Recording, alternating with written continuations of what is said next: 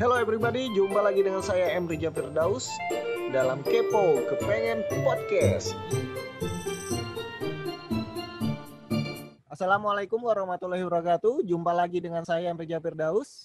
Hari ini kita akan membahas tentang hal-hal yang berkaitan dengan sarjana S2 atau program S2 yang akan kita mulai dengan hal-hal berkaitan dengan mulai dari pendaftaran, kemudian lika-liku kuliahnya dan kesulitan-kesulitannya. Hari ini saya ditemani oleh Dr. Gigi Yolanda yang sedang menempuh kuliah program S2 jurusan biologi oral dan imunologi kedokteran gigi. Mungkin uh, perkenalkan diri dulu Dokter Yolanda. Halo. Halo, Assalamualaikum. Tadi udah bener nggak nih perkenalannya? Udah bener sih. Gimana kabarnya sekarang? Alhamdulillah baik-baik aja. Dokter Riza sendiri gimana? Alhamdulillah baik juga. Ini sekarang sedang sibuk apa nih? Sejujurnya sibuk tesis, tapi ya kesibukan dosen tidak bisa dikesampingkan. Uh, ini ya, kuliah sambil ngajar ya.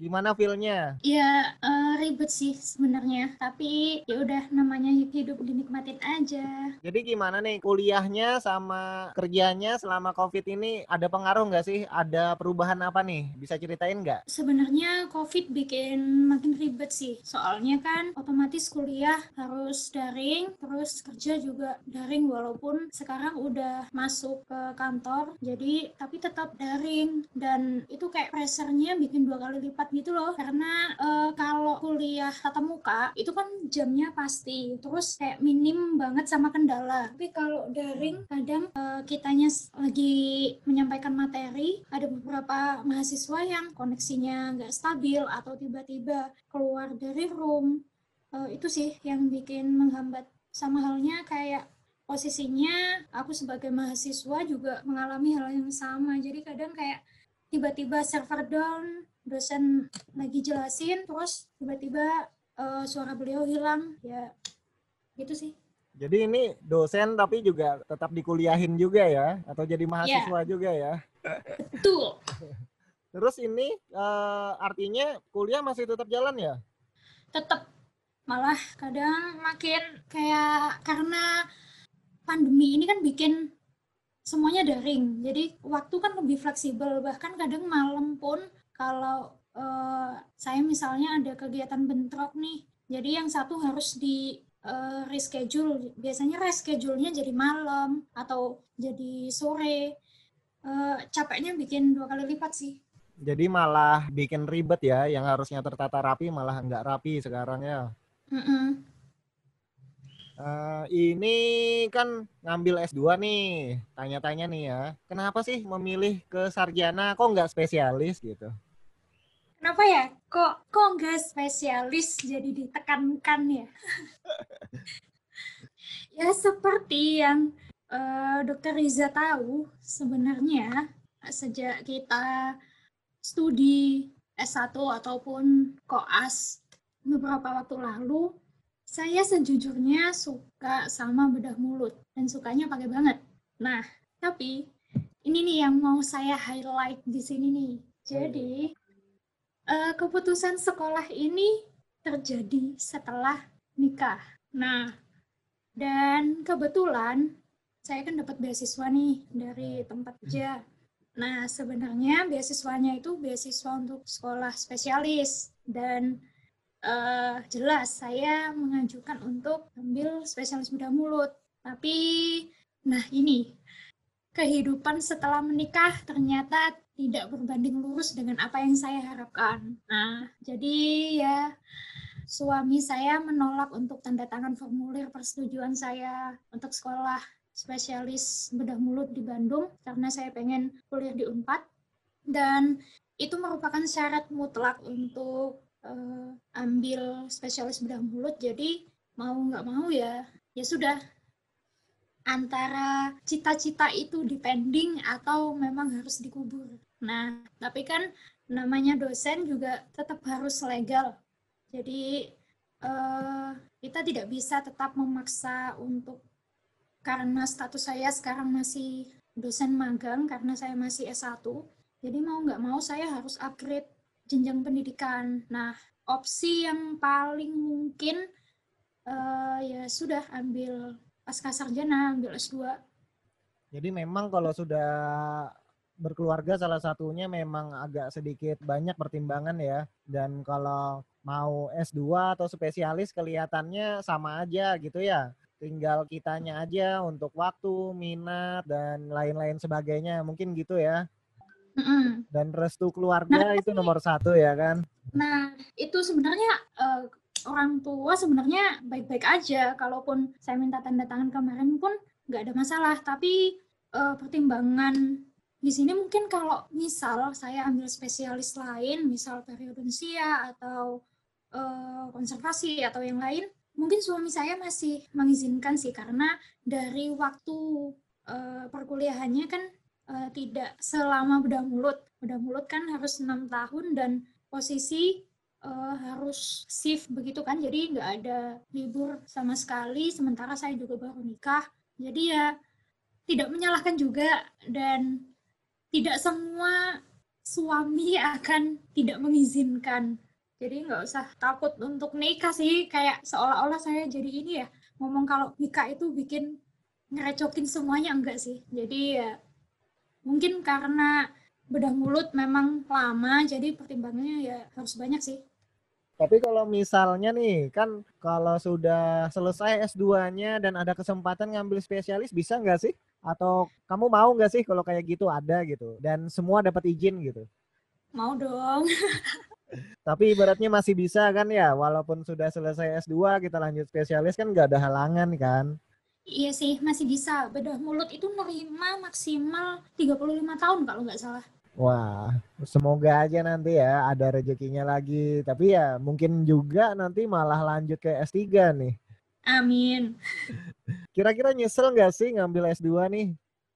Hmm, sempat di pertengahan tahun waktu uh, lagi proses belajar itu nyesel dan sempat kayak mau udah bilang ke suami nih karena yang paling deket kan suami. Itu kayak udah uh, bilang aku udah nggak kuat sekolah nih karena benar-benar teori itu kan uh, eh, S2 itu kan lebih ke teoritis banget ya. Beda dengan spesialis yang masih ada uh, praktikum ada kerja. Jadi skill dan teorinya seimbang. Sementara saya dari dulu emang kurang suka dengan hal-hal yang sifatnya hanya teoritis tapi tidak ada tidak diimbangi dengan skill lab atau pekerjaan atau ya semacamnya.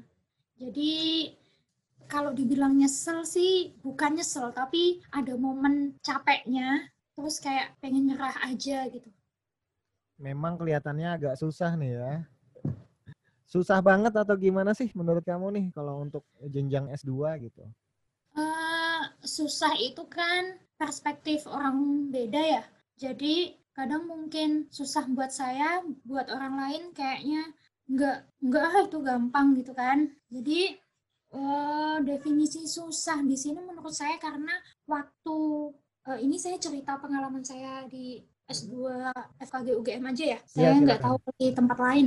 Jadi kalau S2 di FKG UGM itu dari hari Senin sampai Jumat itu full. Jadi dari jam 8 sampai jam 3 bahkan kadang ada waktu molor bisa sampai jam 4 kita masih ada di kampus dan benar-benar nggak ada jam kosong gitu loh. Jadi jam kosong cuma jam 12 sampai jam 1 untuk isoma dan uh, di selain waktu yang banyak menghabiskan energi itu S2 itu kan fokusnya ada di tekankan di analisis. Jadi kita itu dituntut kalau mungkin dulu zaman S1 kita diajarkan untuk ini loh definisinya, ini loh macam-macamnya, uh, ini seperti ini, ini seperti ini. Tapi di S2 itu lebih ke bagaimana kita bisa mengkorelasikan antara satu uh, kejadian dengan kejadian lain. Jadi uh, yang bikin susah sih di situ sebenarnya jadi ketika kita tidak paham satu poin untuk e, menganalisisnya jadi agak lebih rumit. Nah, lebih susahnya di situ. Jadi kalau dibandingkan S1 nih, itu jadinya lebih susah S2 ya. Padahal kalau kita denger-denger dulu nih, enakan S2, kuliahnya jarang, gitu-gitulah pokoknya. Jadi malah susah S2 ya sebenarnya ya. Hmm, gak tahu ya kalau di tempat lain. Tetap tapi di uh, tempat saya itu karena mungkin waktunya saya juga dulu ekspektasinya S2 itu kan cuma dua tahun. Terus pelajarannya nggak sebanyak di S1 terus kabarnya kuliahnya santai dan seterusnya. Ternyata begitu saya uh, terjun langsung ke pasca sarjana ini ternyata bahkan saya kayak sering ngerasa mana sih uh, waktu yang katanya bisa main-main di tengah kuliah terus bisa santai-santai nongkrong kayak gitu uh, hampir itu nggak ada sama sekali. Bahkan saya ngerasa 24 jam itu kurang loh sejak kuliah S2 nih. Lumayan ya ternyata ya bebannya. Mungkin ada beberapa uh, departemen yang mungkin agak lebih mudah untuk S2-nya ya. Atau mungkin juga itu cuman gosip-gosipnya aja ya. Ya mungkin gitu sih. Karena kan uh, kebetulan memang minat yang saya ambil ini bebannya sedikit uh, lebih berat. Uh, mungkin beban uh, mungkin yang di minat yang lain juga sama beratnya. Tetapi karena yang saya pelajari ini kompleks seperti yang tadi disampaikan oleh dokter Riza kan minat saya biologi oral dan imunologi kedokteran gigi. Jadi membahas imun saja sudah uh, cukup ribet. Uh, ditambah lagi harus saya mempelajari biologi oral. Jadi ya ya itu lumayan susah ya. Nah ini kan banyak nih pilihan sebenarnya S2 kenapa kok memilih uh, eh, S2 biologi oral dan imunologi kedokteran gigi di antara yang lain nih? Oh ya, sekalian jelasin ya kalau di FKG UGM tuh pasca sarjananya untuk yang S2 itu ada empat minat. Yeah. Jadi ada biologi oral dan imunologi kedokteran gigi, kemudian ada biomaterial kedokteran gigi, ada uh, promkes promosi kesehatan uh, yang di FKG UGM itu namanya MKGPP. Jadi uh, saya panjangannya agak lupa, tapi yang jelas minat itu berkecimpung di promosi kesehatan dan yang terakhir itu ada manajemen tentang ya apa ya manajemen tentang kesehatan masyarakat gitulah. Jadi lebih ke man manajemennya kalau yang tadi lebih ke promkesnya. Nah kenapa saya dari empat itu ambil biologi oral? Jadi uh, ceritanya waktu itu saya kan masih belum ikhlas nih ngelepas bedah mulut. Jadi saya berusaha cari yang sekiranya ilmu saya nanti itu masih ada korelasinya dengan bedah mulut. Nah, dari keempat tadi ya, yang masih ada korelasinya ya biologi oral dan ini juga suatu kebetulan dulu S1 saya kan tugas akhir saya itu membahas tentang oral cancer nih. Nah, jadi di S2 ini pengennya waktu itu mau saya perdalam lagi tentang oral cancer itu ada nggak sih kayak pertimbangan atau keputusan untuk memilih program S2 yang cocok dari kita? Kalau kamu tadi kan karena mirip-mirip gitu, mungkin ada teman kamu atau yang lainnya yang menurut kamu bisa jadi perspektif nih buat kami-kami yang nantinya pengen ngambil salah satu departemen S2 gitu, mungkin di antara empat itu atau yang lainnya gitu. Menurut saya sih kembalikan aja ke passion masing-masing ya, karena S2 itu sebenarnya yang dibutuhkan itu komitmennya. Jadi eh, kalau komitmennya nggak besar, kemungkinan ya kita akan patah di tengah jalan. Jadi kalau misalnya kurang suka nih, misalkan kurang suka nih dengan bedah mulut, dan ternyata lebih suka ilmu tentang masyarakat, lebih suka uh, sosialisasi seperti itu ya, saran saya mending ambil promkes. Tapi kalau misalkan suka dan basicnya kuat tentang menghitung atau ingin tahu perkembangan bahan yang up to date, alat yang up to date, dan suka memang belajar hal-hal baru seperti itu ya, mending ambil biomaterial. Jadi disesuaikan aja sih, karena kalau dipaksakan, endingnya bakal ada statement nih, kayak ada sih beberapa teman seangkatan saya yang kayak di pertengahan kuliah tuh ngomong eh kenapa ya aku dulu ngambil ini ya? Gitu. Kok makin ke sini makin susah gini gitu. Makin susah buat ngikutin jadi harus belajarnya harus lebih ekstra. Nah daripada nyesel jadi mending di dimantepin dulu emang passionnya sukanya di mana ya udah ambil itu aja Oh, jadi gitu ya. Jadi memang banyak sebenarnya pilihan, tapi kita harus juga seleksi. BTW ini nanti kalau udah lulus nih, gelarnya bakalan dapat gelar apa nih? Eh, Magister Dental Science karena di UGM semuanya di ini disetarakan pakai gelar yang berbahasa asing. Oh, singkatannya? MDSC. Oh, MDSC. Uh, coba kita rekap lagi ya. Kalau misalnya ini kan tadi tentang beberapa hal yang setelah masuk program S2 nih. Nah, uh, pertama-tama deh mulai dari pendaftarannya gitu. Mungkin gimana sih cara taunya tentang program S2 gitu? Sudah buka pendaftaran atau gimana gimananya gitu? Uh, sebenarnya sama sih kayak kita daftar kuliah gitu ya. Jadi kalau di pasca sarjana itu beberapa universitas itu membuka satu tahun dua kali. Jadi ada di semester ganjil dan ada di semester genap. Nah, jadi kalau kita memang punya keinginan untuk lanjut sekolah pasca sarjana, eh, di waktu buka menjelang buka pendaftaran itu kan biasanya semester genap itu biasanya bulan September ya. Jadi jauh-jauh eh, hari sebelum itu update aja di ininya di website resmi universitas yang pengen dituju. Kalau di UGM bisa ke linknya um.ugm.ac.id. Nah, di situ nanti bakal jelas banget nih informasinya kapan buka uh, pendaftarannya, kemudian syaratnya apa aja dan lain-lain. Kalaupun ketinggalan di misalkan nih uh, September nih ada Terus saya baru bukanya bulan Juli atau bulan Agustus. Biasanya kan udah tutup tuh pendaftarannya. Nah, itu nggak usah bingung karena kadang biasanya ada bukaan pendaftaran lagi di semester berikutnya. Jadi sekitar bulan Februari itu dimulai, jadi pendaftarannya ya sebelum Januari itu. Jadi ada gelombang-gelombangnya gitu ya? Kalau misalnya kayak SMPTN gitu nggak sih? Kayak ada jalur mandiri, jalur prestasi, dan lain-lain gitu? Kalau di pasca sarjana yang setahu saya memang ada sih yang kayak jalur kerjasama, kemudian jalur mandiri, terus yang jalur beasiswa. Jadi yang kerjasama itu yang antar institusi atau antar misalkan eh, kerjasama dengan puskesmas atau yang apa gitu ya kalau yang mandiri ya ya udah yang daftar seperti biasa. Kalau yang beasiswa itu ada banyak. Jadi seperti saya ini istilahnya beasiswa tugas belajar. Kemudian ada teman seangkatan saya yang lolos beasiswa dari pemerintah. Nah ini sekalian info nih, siapa tahu ada yang belum tahu banyak. Jadi eh, ketika lulus S1 itu ada program namanya PMDSU.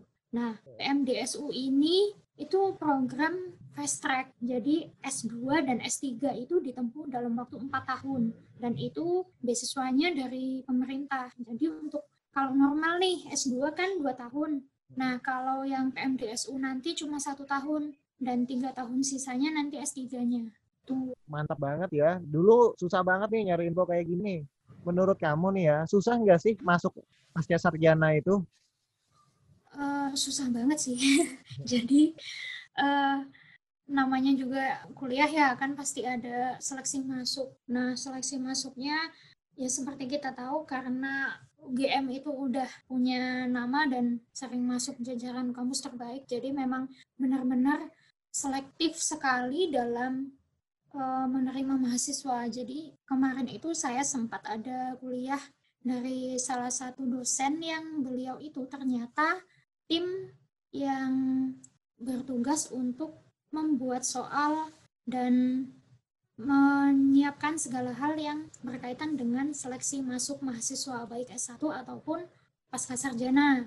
Nah, dari situ beliau menyampaikan bahwa memang di tempat saya belajar sekarang itu selalu diupdate uh, soal-soalnya disesuaikan dengan perkembangan saat ini. Jadi memang kalau di tempat saya itu seleksinya ada tiga, jadi ada tes TPA, kemudian ada tes bahasa Inggris, dan yang terakhir ini wawancara. Jadi untuk yang TPA ini sama sih uh, sama susahnya kayak TPA yang di luar. Jadi kalau di UGM itu istilahnya PAPS itu masing-masing dari uh, derajat yang diambil itu beda. Jadi misalkan antara S2 dengan spesialis atau S2 dengan S1 itu skornya nanti beda dan untuk skor masuk dan skor keluarnya nanti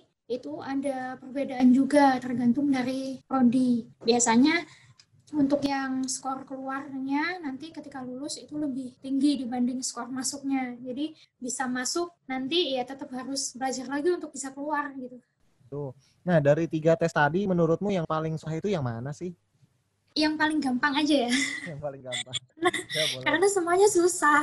Yang paling gampang wawancara sih karena wawancara kan cuma apa ya konfirmasi bahwa data kita yang disubmit itu benar. Kemudian sebenarnya wawancara itu lebih ke ini sih uh, ngetes ininya. Jadi benar-benar kita niat gak sih mau masuk ke ini apakah ke pasca sarjana apa karena paksaan atau karena memang keinginan sendiri dan enaknya di tempat saya sekarang itu jadi sejak awal itu kami sudah diminta untuk memantapkan jadi gini kan di pasca sarjana di minat saya itu kan ada banyak nih pelajaran atau teori yang diberikan tapi di UGM itu diharapkan masing-masing mahasiswa itu punya satu uh, apa ya satu topik yang memang bisa dipahami lebih dalam dibanding topik yang lain gitu. Nah, di situ nanti waktu wawancara itu nanti kita ditanyain nanti uh, rencana tesisnya mau apa? Karena kita kan waktu daftar itu juga diminta seperti proposal untuk ini ya draft rencana tesis begitu. Nah, nanti di situ itu diklarifikasi kenapa kok proposalnya mengajukan ini memang memang punya keinginan untuk di topik ini kah? Ya kayak gitu sih. Kalau yang dua tadi yang PAPS dan ASEP atau yang bahasa Inggris tadi itu sulit karena yang saya kemarin ke bagian PAPS-nya yang ini ya, yang PPT, yang paper base dan di tempat saya itu ada dua, ada yang PBT, ada yang CBT. Nah, kalau yang PBT masih enak nih, masih kayak masih bisa coret-coret gitu-gitu kan. Kalau yang CBT itu kayaknya lebih terus ketika kita berhadapan dengan teknologi kan biasanya ada parno tersendiri kan ya. ya nah, kalau yang di bahasa Inggrisnya uh, sebetulnya sebelum saya ikut tes itu saya sempat ikut tes TOEFL di tempat lain. Nah, saya pikir kan tes bahasa Inggris atau TOEFL ya seperti itu gitu. Karena itu pakemnya memang biasanya seperti itu. Jadi sebelumnya itu saya mengikuti tes itu hanya ada tiga, tiga stase. Nah, ternyata kalau di FKG UGM itu ada lima stase. Jadi ya bayangin aja dalam waktu yang sesingkat itu harus mengerjakan lima stase. Jadi ya kadang tiba-tiba blank konsentrasi gitu loh. Jadi eh, kalau tadi saya simpulkan nih artinya butuh persiapan yang matang ya, prepare banget. Apalagi tadi baru masuk udah ditanyain kira-kira mau ngambil tesis apa ya. Luar biasa. Ya benar. Uh, itu banyak gak sih saingannya gitu? Dan yang diterima biasanya terbatas atau gimana gitu? Untuk saingan sih nggak sebanyak spesialis ya. Jadi kan untuk yang masuk pasca sarjana itu kan nanti memang pengennya jadi dosen atau uh, ingin daftar PNS dengan yang dibuka lowongannya S2 seperti itu ya. Jadi kalau saingan saya rasa nggak seberat ini sih, nggak seberat uh, spesialis. Kalau kemungkinan diterimanya, jadi ya selama semua syarat masuk tadi terpenuhi, kemungkinan ya peluangnya untuk diterima besar sih. Jadi pasti mudah ya, yang penting tadi itu menyelesaikan semua peraturan syaratannya. benar. Kira-kira ini kan uh, kamu dapatnya dari beasiswa nih. Kalau misalnya dari jalur umum biaya kira-kira banyak biaya nggak sih? Nah ini jadi masing-masing universitas kan punya style sendiri-sendiri ya. Kalau di tempat saya itu biaya semesternya itu disebut UKT, uang kuliah tunggal.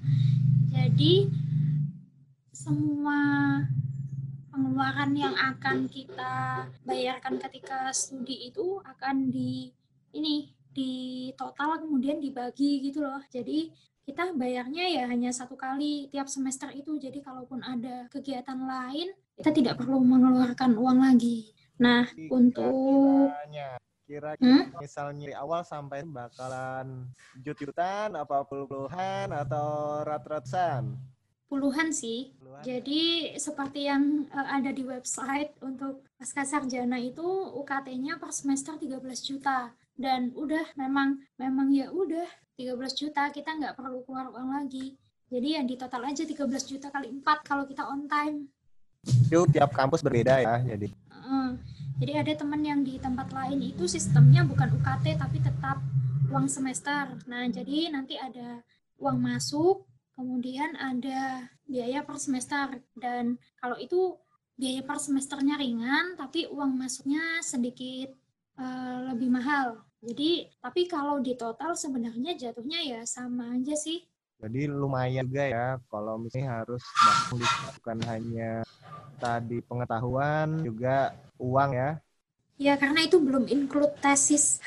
Belum include tesis. Kalau praktek-praktikum gitu, sudah termasuk apa belum kira-kira? Kalau praktikum udah termasuk. Jadi eh, ada ini ya di pasca sarjana itu ada pengabdian masyarakat kalau di tempat saya. Nah, dan itu masuk syarat kelulusan. Jadi untuk lulus untuk bisa yudisium saya harus pernah ikut pengabdian masyarakat sebanyak dua kali. Nah dan mm, nah dan untuk biaya pengabdian masyarakatnya itu ya include uang kuliah tunggal tadi. Jadi kita nggak perlu keluar uang lagi sih. Ya cuma keluar uangnya buat tesis aja. Jadi dan itu pun juga nggak seserem itu sih. Pintar-pintarnya kita aja cari relasi. Jadi kalau S2 itu eh, sama aja kita tetap harus punya koneksi ke banyak pihak karena dari beliau-beliau nanti kita akan banyak dapat informasi seperti kemarin sebenarnya saya dapat hibah mau mengajukan hibah ke UGM tapi karena waktu itu saya terlambat cari informasi jadi terpaksa batal dan ini masih nunggu lagi sih ada beasiswa hibah lagi jadi kalau dapat hibah kan lumayan ya kita Iya, bisa di cover walaupun tidak semuanya sih Nih misalnya kan udah lolos nih pendaftaran semuanya gitu. Mungkin bisa ceritain nggak sih dari mulai awal masuk nanti kira-kira sampai terakhir tuh ngapain aja? Mungkin apa ada ospek, terus ceritain dong semester 1, 2, 3 dan lain-lainnya gitu. Kan tadi juga ada pengabdian itu modelnya gimana gitu. Mungkin ya inti-intinya aja deh gitu sekitar kuliah kamu di bidang biologi oral dan imunologi. Oke, jadi pas awal masuk nggak ada ospek yang berbau perpeloncoan dan jadi lucu unyu gemes gitu nggak ada sih. Jadi lebih ke karena kita udah eh, pasca sarjana ya, jadi untuk perkenalan mahasiswa baru ya kita nanti akan dikumpulkan di salah satu ruangan, kemudian di situ nanti ada beberapa pejabat dari Fakultas Kedokteran Gigi yang akan memperkenalkan diri beserta staf-stafnya. Kemudian ada semua senior dari angkatan yang atas kita itu akan diundang. Dan di situ nanti kita perkenalan satu-satu, kita memperkenalkan diri dari mana, dan seterusnya. Kemudian sekaligus acara tersebut itu menjadi kayak semacam alih informasi gitu loh. Jadi nanti bakal ditanya, senior nih kenapa kok harusnya udah lulus tapi belum lulus? Kendalanya apa nih? Gitu. Jadi di situ kita sebagai mahasiswa baru kayak udah punya pandangan oh ternyata di minat ini nanti kemungkinan kesulitannya ini yang bikin senior terlambat itu ini. Jadi kita sebagai mahasiswa baru udah punya pandangan. Nah terus ini semester 1 itu ya udah sih kalau di tempat saya itu lebih ke ilmu basicnya walaupun ada mata kuliah peminatan yang harus kita ambil. Jadi kayak ilmu basic itu kayak mempelajari tentang sistematika penulisan yang baik, bagaimana cara kita presentasi di acara seminar, kemudian diajarkan biostatistik dan lain-lain. Nah, dan di situ biasanya banyak selingan ini. Jadi di tempat saya itu sering sekali mendatangkan narasumber dari berbagai negara. Nah, jadi kita wajib nih ikut kuliah umum Jadi kalau misalkan ada profesor dari Jepang dengan tema ini, nanti kita wajib ikut. Nah, seperti itu. Kemudian nanti juga ada pengabdian masyarakat. Kalau kemarin pengabdian masyarakat kita itu karena kerjasama dengan salah satu brand yang saya sensor saja ya. ya nah, itu jadi kita sama sih kayak kita bakti sosial ke SD, kemudian ada pemeriksaan gigi berkala dan ada tindakan yang sederhana seperti itu. Kemudian itu di semester 1 seperti itu. Untuk yang di semester 2 itu benar-benar udah full di mata kuliah yang kita ambil. Jadi kalau saya di biologi oral dan imunologi, ya semester 2 itu intinya semua mata kuliah yang saya ambil tentang hal tersebut. Jadi sudah nggak ada lagi materi basic dan ketika semester 2 itu kita sudah berpisah dengan teman-teman angkatan. Jadi yang empat minat tadi sudah kelas sendiri-sendiri. Kalau yang masih semester 1 itu mata kuliah basicnya bareng. Jadi masih rame-rame. Kecuali uh, mata kuliah peminatan tadi yang kita ambil itu kita biasanya kuliah departemen. Nah, untuk Alhamdulillah nih di semester 1 2 kemarin lancar, nggak ada kendala. Jadi mata kuliah yang saya tempuh sudah komplit. Jadi untuk yang semester 3 dan 4 ini tinggal tesis aja sih. Oh, jadi 3 4 itu fokus ya? Iya, jadi ya asal itu asal di yang semester 1 dan semester 2-nya nggak ada kendala. Uh, ini ya yang harus di garis bawah ya, nggak semuanya S2 atau pasca sarjana itu auto lulus dengan mudah. Kalau di tempat saya itu jangan berharap. Jadi ya kita tetap ada yang nggak lulus gitu jadi ya harus ngulang di tahun berikutnya nah kalau kejadian itu terjadi ya berarti kita masih ada tanggungan tapi kalau untuk yang semester satu duanya nggak ada kendala ya untuk semester 3 bisa ambil proposal tesis untuk yang empatnya bisa ambil tesis gitu jadi modelnya masih sama kayak program S1 ya. Nih kira-kira kalau kamu nih satu kelas ada berapa orang? Uh, kebetulan di tempat saya itu kemarin jadi kan masih buka dua ini nih dua gelombang yang semester ganjil dan genap waktu tahun saya masuk. Nah itu satu angkatan itu harusnya delapan orang. Delapan. Nah tapi eh delapan atau sembilan gitu. Jadi ada dua orang yang gagal verifikasi jadi terlambat untuk verifikasi dan akhirnya nggak lolos jadi terpaksa kemarin itu kami berjalan hanya tujuh orang untuk yang sebelum-sebelumnya lumayan banyak sih bisa berapa? sampai 15 dan seterusnya jadi 15 angkatan paling banyak berapa nih saya kira 30 loh uh, sejauh yang saya tahu ya senior saya kan cuma ada dua angkatan nih dua atau tiga angkatan itu kalau dijadiin satu kayaknya hanya 50-an atau 60-an orang gitu deh. Jadi memang terbatas ya yang ngambil dua kadang ya masih. Iya. Iya, terus usia mereka itu teman-teman kamu ada yang muda juga atau senior semua nih? Definisi senior ini apa ya? Bisa jadi aku dianggap senior nih. Uh, untuk ini ya usia kalau di angkatan saya kebetulan ada yang fresh graduate jadi masih ada yang di jadi kan saya setelah lulus magang dulu jadi uh, dosen magang itu kan satu tahun kemudian saya baru sekolah nih. Nah untuk teman seangkatan saya itu ada yang benar-benar fresh graduate baru lulus ada yang lulus D4 oh ya dari D4 itu bisa loh langsung ambil S2 jadi D4 itu setara S1 juga gitu ya Ya, tapi nanti ada program matrikulasi dulu sebelum kita ini jadi ikut matrikulasi dulu, setelah itu ada seleksi di matrikulasinya, sambil ada proses matrikulasi itu bisa ikut ini seleksi masuknya. Jadi ada double test begitu kalau yang dari D4. Ini ini baru tahu loh, nggak ibaratnya kan di untuk di kuliah kita dulu juga nggak dijelasin gitu ya.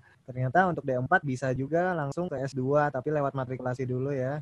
Hmm, Nah, karena fresh graduate jadi ya masih muda-muda sih, tapi ada beberapa senior saya yang memang beliau tugas belajar, kemudian atau dari puskesmas atau dari dinkes seperti itu memang ada yang umurnya jauh lebih senior dibanding saya dan teman-teman ada, tapi masih muda-muda sih.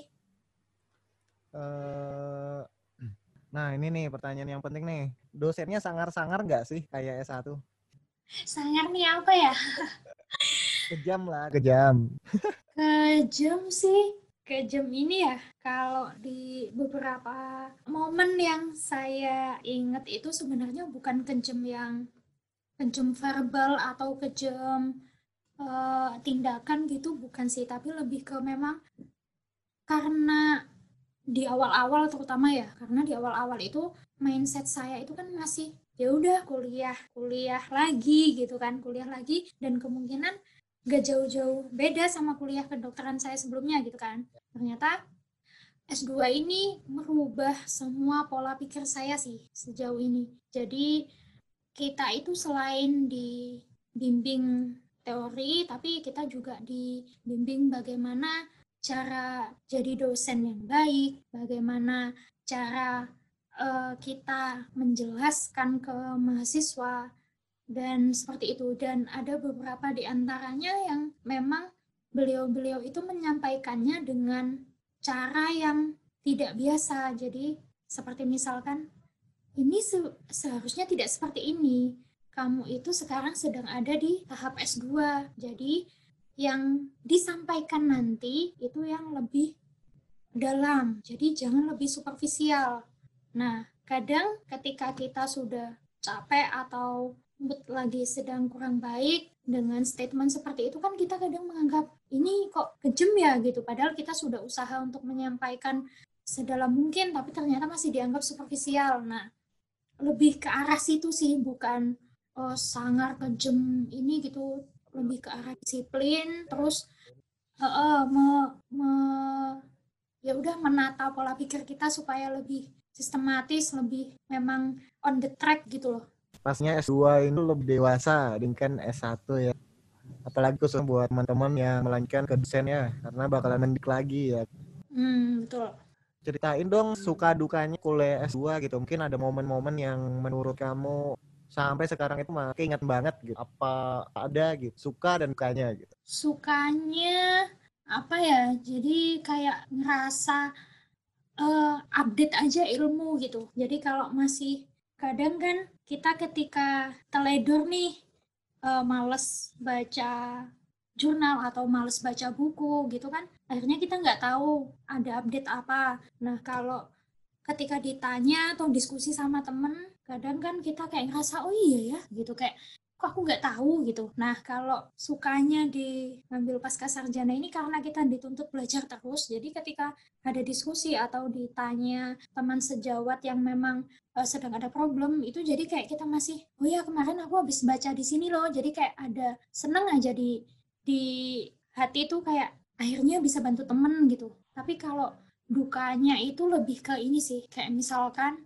di tempat saya itu kan seperti yang saya ceritakan tadi sering banget mendatangkan narasumber dari berbagai negara nih. Nah, otomatis yang disampaikan oleh beliau karena beliau sudah profesor, itu biasanya materinya kan berat dan beliau menyampaikan dengan bahasa bahasa uh, internasional menggunakan bahasa Inggris umumnya, tetapi dengan aksen negaranya masing-masing nih. Jadi misalkan beliau yang dari Jepang, ya aksennya Jepang banget yang dari Jerman ya aksennya Jerman banget. Nah, kadang di situ nih kita nggak mudeng, nggak ngeh dengan materinya yang berat. Beliau menyampaikan materinya dengan aksen beliau dan karena kita sudah di level pasca sarjana jadi harus ada interaksi terus menerus kan. Jadi kadang uh, ada awkward moment gitu loh. Jadi ketika kita dikasih kesempatan nih silakan bertanya itu kayak Hah, tadi ngomong apa ya beliau gitu kayak kayak udah ya, ya udah sih gitu Nah, kalau itu semua menurut kamu nih dari semua pengalaman kamu, kalau sambil koas lanjut ke dua gitu,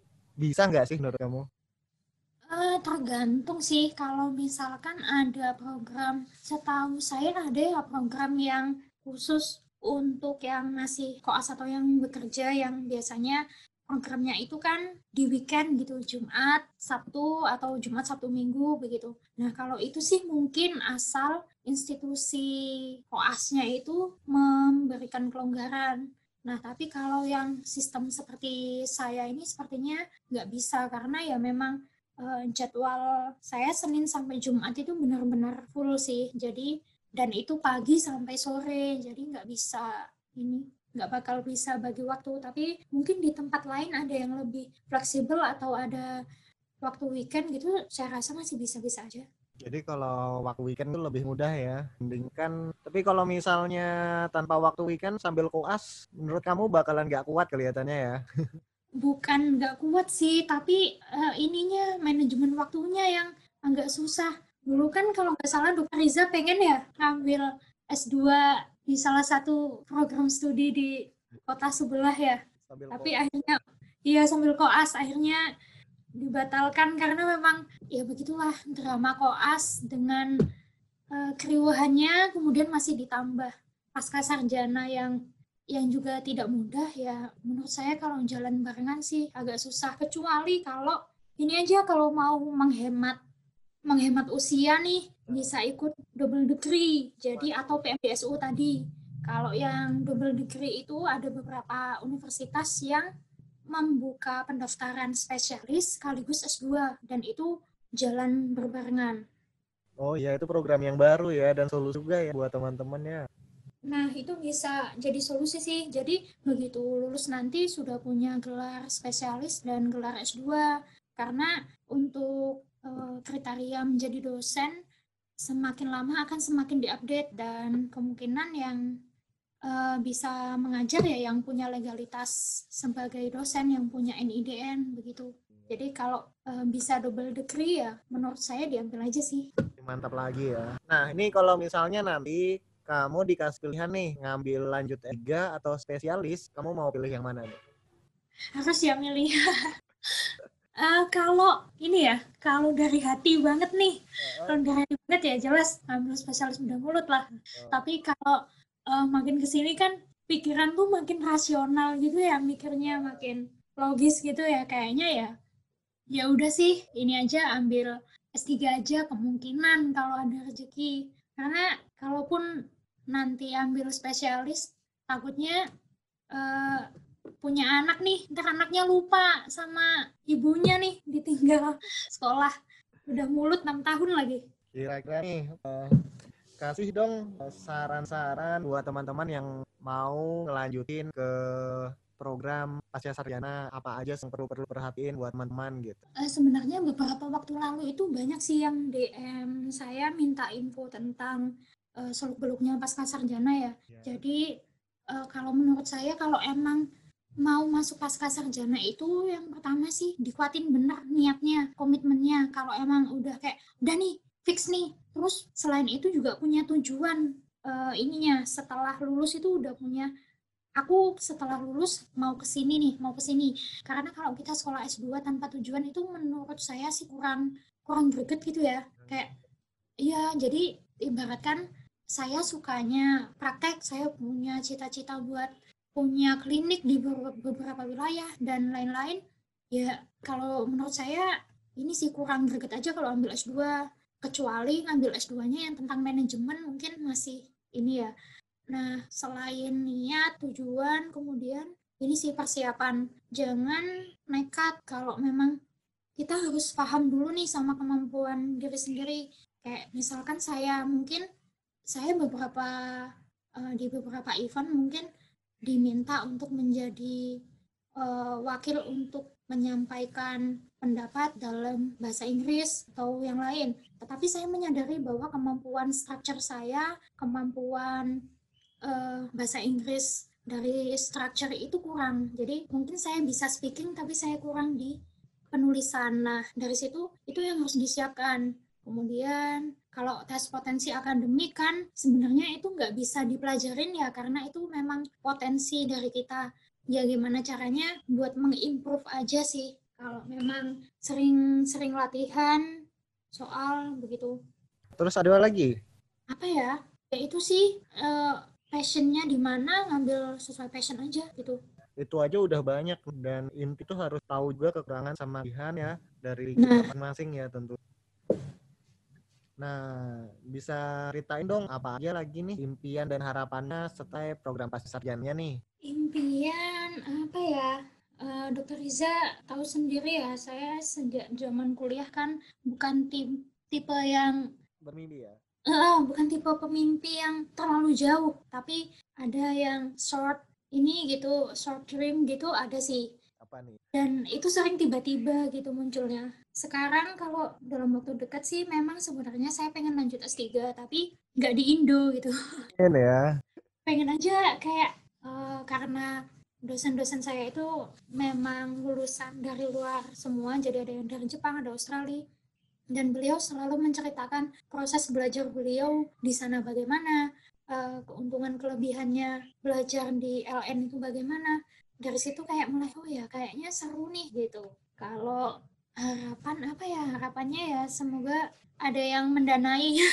Dia harus sering-sering kelihatannya nih cek-cek beasiswa nih. Iya benar sih. Memang ada sih. Dan semoga aja covid ini udah selesai nanti ya dan normal nanti. Jadi bisa nanti keluar negerinya. Kalau enggak ya lokal aja nih nanti. Iya sih.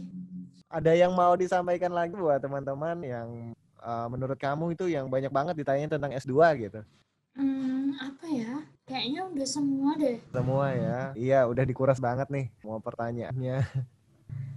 Oke, terima kasih banyak ya Dr. Yolanda. Semoga tambah sukses dan nanti bisa lanjut ke program S3-nya nanti. Kalau misalnya udah selesai duanya ya. Amin. Doa yang sama buat Dokter Riza yang rencananya mau ambil spesialis bedah mulut ya. Amin. Masih panjang kalau saya ya. Baik, saya ucapkan terima kasih banyak kepada Dr. Yolanda yang telah menemani saya hari ini dalam podcast kita yang bahas tentang program sarjana. Nanti mungkin uh, ini nanti banyak juga bahas tentang biologi oral dan monologi kedokteran gigi. Jadi mungkin nanti akan undang beberapa yang berada di departemen lain ini biar nanti agak tahu perbedaan. Saya ucapkan terima kasih Dr. Yolanda. Terima kasih kembali. Assalamualaikum warahmatullahi wabarakatuh. Waalaikumsalam warahmatullahi wabarakatuh.